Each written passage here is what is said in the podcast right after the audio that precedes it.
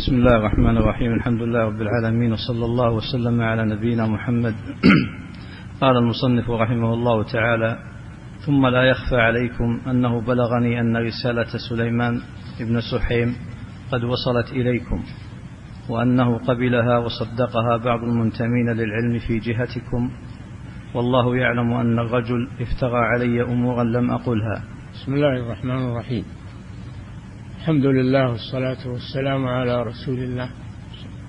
بعد أن فرغ الشيخ رحمه الله من كتابة عقيدته إلى أهل القصيم لما سألوه عن عقيدته أعقبها ببيان الافتراءات التي افتراها أعداؤه عليه وأنه بريء منها. ليس هذا بغريب؟ فإن الرسل لهم أعداء يتهمونهم بأشياء وكذلك أتباع الرسل والدعاة إلى الله والعلماء المحققون يكون لهم أعداء. كذلك جعلنا لكل نبي عدوا شياطين الإنس والجن. يوحي بعضهم إلى بعض زخرف القول غرورا.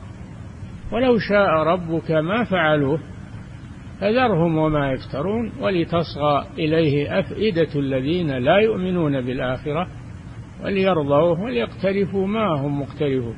هذا شيء سنة الله جل وعلا ابتلاء وامتحان. من ذلك رجل يقال له سليمان بن سحيم مطوع معكال. ما هو بعالم مطوع. طوع في معسال. الحارة المعروفة في الرياض غار من دعوة الشيخ وصار يكيد لها وكتب يتهمه بأشياء ولكن لم يضر دعوة الشيخ والحمد لله. لأن الحق لا يضره الباطل مهما كان. بل نقذف بالحق على الباطل فيدمغه. فإذا هو زاهق وقال, جاء وقال سبحانه وتعالى وقل جاء الحق وزهق الباطل إن الباطل كان زهوقا. ليس هذا بغريب من ابن سحيم وأمثاله أن يقوموا في وجه الشيخ ويتهموه باتهامات هو منها بريء. نعم. والله يعلم أن الرجل افترى علي أمورا لم أقلها ولم يأتي أكثرها على بالي. نعم الرجل اللي هو سليمان بن سحيم افترى على الشيخ افتراءات لم يقلها. هو منها بريء وللشيخ رسالة مستقلة في الرد عليه موجودة مع الرسائل التي كتبها الشيخ لمن سألوه وللرد على من افترى عليه. نعم. فمنها قوله إني مبطل كتب المذاهب الأربعة. سبحان الله كيف يكون الشيخ مبطل المذاهب كتب المذاهب الأربعة وهو حنبلي؟ هو رحمه الله حنبلي. تتلمذ على مذهب الإمام أحمد. فهو حنبلي. ولم يدعي الاجتهاد المطلق. ويكون في مصاف الأئمة الكبار. ما ادعى هذا لنفسه إنما هو حنبلي. لكنه لا يتعصب لمذهب إمامه بل يأخذ ما قام عليه الدليل ولو كان في المذاهب الأربعة ولو كان في غير مذهب لأنه يتبع الحق اختار في بعض المسائل ما قام عليه الدليل ولو خالف المذهب الحنبلي. نعم. وإني أقول إن الناس من ستمائة سنة ليسوا على شيء. هذا كذب واضح أن الشيخ يكفر الناس من ستمائة سنة ستة قرون كلهم يكفرهم الشيخ. ما أعظم كذب هذا الرجل ولا حول ولا قوة إلا بالله. بلغ به الحد إلى أن قال هذا الكلام الذي يعرف بطلانه كل من سمعه. الشيخ ما كفر أحدا إلا من كفره الله في كتابه أو الرسول صلى الله عليه وسلم في سنته ممن يعبدون غير الله يعبدون الأضرحة والقبور يصرفون العبادات لغير الله. نعم. وإني أدعي الاجتهاد. ويفتري على الشيخ أنه يدعي الاجتهاد المطلق الاجتهاد المطلق وأنه في مصاف الأئمة الأربعة وهذا كذب. الشيخ حنبلي من أتباع مذهب الإمام أحمد لكنه لا يتعصب للمذهب. إذا خالف الدليل يأخذ بما قام عليه الدليل وهذا شأن العلماء. نعم. وإني خارج عن التقليد. خارج عن التقليد يعني عن تقليد الأئمة الأربعة. نعم. وإني أقول إن اختلاف العلماء نقمة. وأن الشيخ يقول من افتراءات ابن سحيم يقول إن الشيخ يقول إن إن اختلاف العلماء نقمة. اختلاف العلماء في في الفروع في مسائل الاجتهاد فيه سعة وفيه خير.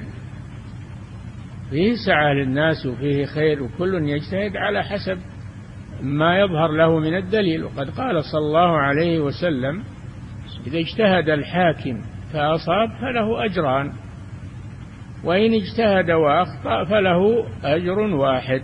على اجتهاده. هذا الذي يقوله الشيخ رحمه الله. ما آه، جحد وجود الخلاف بين المذاهب ولا أنكره. الخلاف في الفروع في مسائل الفقه هذا واقع. وهو خير ورحمة للأمة. وأما في العقائد لا ما في اختلاف. العقائد العقيدة واحدة عقيدة أهل السنة والجماعة واحدة. ليس فيها اختلاف ولا فيها اجتهاد. الاجتهاد لا يكون في العقائد. عقائد توقيفية تبع الدليل. وأما مسائل الفقه فهي واسعة. إذا اجتهد الحاكم فأصاب فله أجران وإذا أخطأ اجتهد وأخطأ فله أجر واحد. نعم. نعم. صلى الله عليه وإني أكفر من توسل بالصالحين. وهذا كذب على الشيخ. افتراه ابن سحيم. ومثل ابن سحيم أنه يكفر من توسل بالصالحين. إنما الشيخ يكفر من دعا الصالحين وذبح لهم تقرب إليهم. وأما من توسل بدعاء الصالحين طلب من الصالحين أن يدعوا له. إذا كانوا أحياء حاضرين الشيخ لا لا يمنع هذا بل هذا هو السنة. وقد طلب عمر بن الخطاب رضي الله عنه من العباس بن عبد المطلب أن يدعو الله لهم بالغيث لما أجدبوا وقال اللهم إنا كنا نتوسل بنبيك محمد صلى الله عليه وسلم وإننا الآن نتأس نتأس نتوسل بعم نبيك يعني بدعائه التوسل بدعاء الصالحين هذا شيء طيب مأمور به. نعم. وإني أكفر البوصيري لقوله يا أكرم الخلق. البوصيري صاحب البردة وفيها كفر وفيها شرك. يقول يا أكرم الخلق يعني رسول الله صلى الله عليه وسلم ما لمن ألوذ به سواك؟ أين الله سبحانه وتعالى؟ ما يلوذ بالله ما يستعيذ بالله يستعيذ بالرسول. ما لمن ألوذ به سواك عند حدوث الحادث العمم يعني يوم القيامة. إن لم تكن في معاد آخذا بيدي وإلا قل يا زلة القدم فإن من جودك شف الغلو يخاطب الرسول ويقول إن من جودك الدنيا وضرتها ومن علومك علم اللوح والقلم. هذا كفر صريح. لكن الشيخ لا يكفر الرجل لأنه لا يدري ما ختم له لعله تاب. لعله تاب في قبل موته. فهو يقول هذا الكلام كفر لكن الرجل لا يكفر حتى تقام عليه الحجة. نعم. وإني أقول لو أقدر على هدم قبة نعم. رسول أحسن الله إليك. وإني أقول لو أقدر على هدم قبة رسول الله صلى الله عليه وسلم لهدمتها. نعم بناء القباب على القبور لا يجوز. نهى الرسول صلى الله عليه وسلم عن البناء على القبور ولعن اليهود والنصارى بنوا على قبور أنبيائهم مساجد. يحذروا ما صنعوا. ولكن الرسول صلى الله عليه وسلم لما توفي لما توفي لم يدفن في البقيع خشية عليه لأنه لو أبرز قبره لتقاتل الناس عليه. فدفن في بيته صلى الله عليه وسلم في حجرة عائشة رضي الله عنها حفاظا عليه حفاظا عليه من الغلو. وهذا من رحمة الله سبحانه وتعالى. حفظه الله بهذه الحجرة ولم يروا قبره وإنما يسلمون عليه من وراء الحجرة. فأجاب رب العالمين دعاءه وأحاطه بثلاثة الجدران جدران الحجرة فلا يرون القبر وإنما يسلمون عليه من المسجد النبوي وينصرفون. لو كان قبره بارزا لغلوا فيه. ولهذا تقول عائشة لولا ذلك يعني لولا الغلو لأبرز قبره. غير أنه خشي أن يتخذ مسجدا فدفن في بيته صلى الله عليه وسلم. وعليه سقف. سقف الحجرة موجود. جدران الحجرة وسقف الحجرة موجود. حفاظا عليه صلى الله عليه وسلم. إلا أن سقف الحجرة غير وجعل قبة. كله سواء سواء كان قبة أو سقف عادي. كله سواء ما في شيء. نعم. ولو أقدر على الكعبة لأخذت ميزابها وجعلت لها ميزابا من خشب. وهذا من كذب ابن سحيم على شيخ الإسلام وغير ابن سحيم. أنه يقول لو أقدر على ميزاب الكعبة ميزاب الكعبة ذهب. من الذهب مصنوع. يقول لو أقدر عليه لأخذته وجعلت مكانه ميزاب خشب. هذا كذب على الشيخ. ما قال هذا. ما قال هذا أبدا. وهذا من الافتراء على الشيخ رحمه الله. نعم. وإني أحرم زيارة قبر النبي صلى الله عليه وسلم. ويكذبون عليه يقولون يقول عصاي هذه خير من الرسول لأن عصاي هذه آه، أنتفع بها وأذود بها عن نفسي والرسول ميت. كذا يقولون عن الشيخ رحمه الله. هذا كذب. عصا العصا خير من الرسول صلى الله عليه وسلم. من يقول هذا؟ نعم. لكن العداوة تأتي بالكبائر والشرور نعم. وإني أحرم زيارة قبر النبي صلى الله عليه وسلم. ما حرم زيارة قبر النبي صلى الله عليه وسلم. وهو كان يزوره ويسلم عليه. إنما حرم الزيارة الشركية التي يقصد بها التبرك بالقبر. وطلب الحوائج من القبر. قبر الرسول وقبر غيره. هذا شرك وحرام. وقد حرمه الله ورسوله وأجمع المسلمون على تحريمه نعم. وإني أنكر زيارة قبر الوالدين وغيرهما. وينكر زيارة قبر الوالدين. مع زيارة قبر الوالدين. وزيارة القبور سنة. قال صلى الله عليه وسلم كنت نهيتكم عن زيارة القبور. ألا فزوروها؟ فإنها تذكر بالآخرة. فزيارة القبور فيها فائدتان. الفائدة الأولى أنها تذكر بالآخرة. الفائدة الثانية أنك تسلم على الميت وتدعو له. تنفعه بدعائك له. نعم. وإني أكفر من حلف بغير الله. الحلف بغير الله محرم. قال صلى الله عليه وسلم من حلف بغير الله فقد كفر أو أشرك. والمراد الشرك الأصغر. هو بالشرك الأكبر المخرج من الملة. الشرك على نوعين. شرك أكبر يخرج من الملة وشرك أصغر لا يخرج من الملة ومنه الحلف بالنبي صلى الله عليه وسلم. نعم. وإني أكفر ابن الفارض وابن عربي. أنه يكفر المعين مثل ابن الفارض صاحب التائية تلميذ ابن عربي الملحد صاحب وحدة الوجود. هو ينكر عليهم كل ينكر عليهم ذلك لكن التكفير ما يدرى ما ختم لهم. هذا من تكفير المعين ولا يجوز تكفير المعين. وإن صدر منه كفر لأنه لا يدرى ما ختم له به. نعم. وإني أحرق دلائل الخيرات وغوض, وغوض الرياحين وأسميه غوض الشياطين.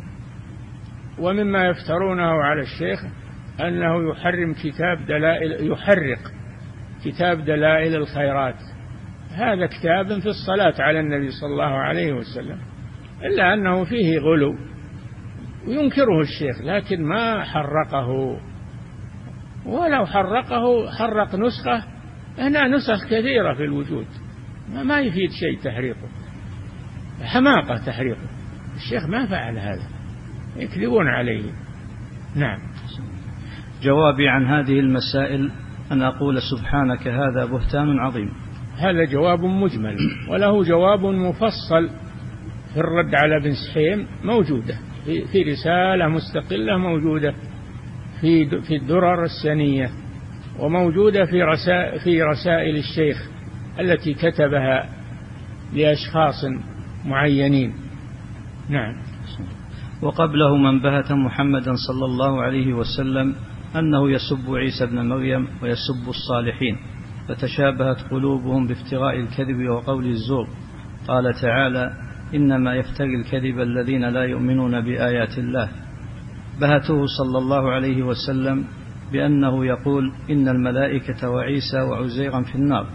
فأنزل الله في ذلك إن الذين سبقت لهم منا الحسنى أولئك عنها مبعدون. نعم. لما نزل قوله تعالى إنكم وما تعبدون من دون الله حصب جهنم أنتم لها واردون. اعترض الأعداء على هذه الآية وقالوا إن عيسى عبد وإن عزيرا عبد وإن من الصالحين من عبد أيكونون من حصب جهنم؟ فأنزل الله بعدها قوله تعالى إن الذين سبقت لهم منا الحسنى أولئك عنها مبعدون. لا يسمعون حسيسها وهم فيما اشتهت أنفسهم خالدون. لا يحزنهم الفزع الأكبر وتتلقاهم الملائكة. هذا يومكم الذي كنتم توعدون. فالآية نزلت في غير الصالحين والملائكة والرسل. لأنهم ينهون عن عبادة غير الله في حياتهم. ما رضوا بهذا إنما الآية في من عبد وهو راض. بذلك أو دعا الناس إلى عبادة نفسه. أما من كان ينهى عن عبادة غير الله في حياته ثم عبد بعد موته هو ما يعلم بهذا. أدى ما عليه وما يؤاخذ بأن عبدوه بعد موته. نعم. وأما المسائل الأخر وهي أني أقول لا يتم إسلام الإنسان حتى يعرف معنى لا إله إلا الله وأني أعرف من يأتيني بمعناها وأني أكفر الناذر إذا أراد بنذره التقرب لغير الله وأخذ النذر لأجل ذلك وأن الذبح لغير الله كفر والذبيحة حرام فهذه المسائل حق وأنا قائل بها ولي عليها دلائل من كلام الله وكلام رسوله. ومن أقوال العلماء المتبعين كالأئمة الأربعة وإذا سهل الله تعالى بسطت الجواب عليها في رسالة مستقلة إن شاء الله تعالى. وقد فعل وقد كتب رسالة مستقلة في الرد على ابن سحيم وأمثاله. نعم. ثم اعلموا وتدبروا قوله تعالى يا أيها الذين آمنوا إن جاءكم فاسق بنبأ فتبينوا أن تصيبوا قوما بجهالة. كل من بلغه خبر عن أحد كل من بلغه خبر عن مسلم عن مؤمن فيه ذم له وأنه فعل كذا وفعل كذا فعليه أن يتثبت. يا أيها الذين آمنوا إن جاءكم فاسق بنبأ فتبينوا تثبتوا أن تصيبوا قوما بجهالة هذه قاعدة عظيمة وتصبحوا على ما فعلتم نادمين. فإذا بلغك عن مسلم أنه فعل كذا أو قال كذا فتثبت من هذا ولا تصدق هذا المخبر الفاسق تثبت من هذا. يا أيها الذين آمنوا إذا ضربتم في سبيل الله فتبينوا يعني تثبتوا ولا تقولوا لمن ألقى إليكم السلام لست مؤمنا تثبتوا من, من أحوال الناس ولا تحكموا عليهم. أو تعاقبوهم بدون تثبت. هذا هو شأن المسلم وشأن العالم المنصف. نعم. انتهت أحسن. نعم. انتهت أحسن. انتهت الرسالة. الحمد لله رب العالمين وصلى الله وسلم على نبينا محمد وعلى آله وأصحابه أجمعين.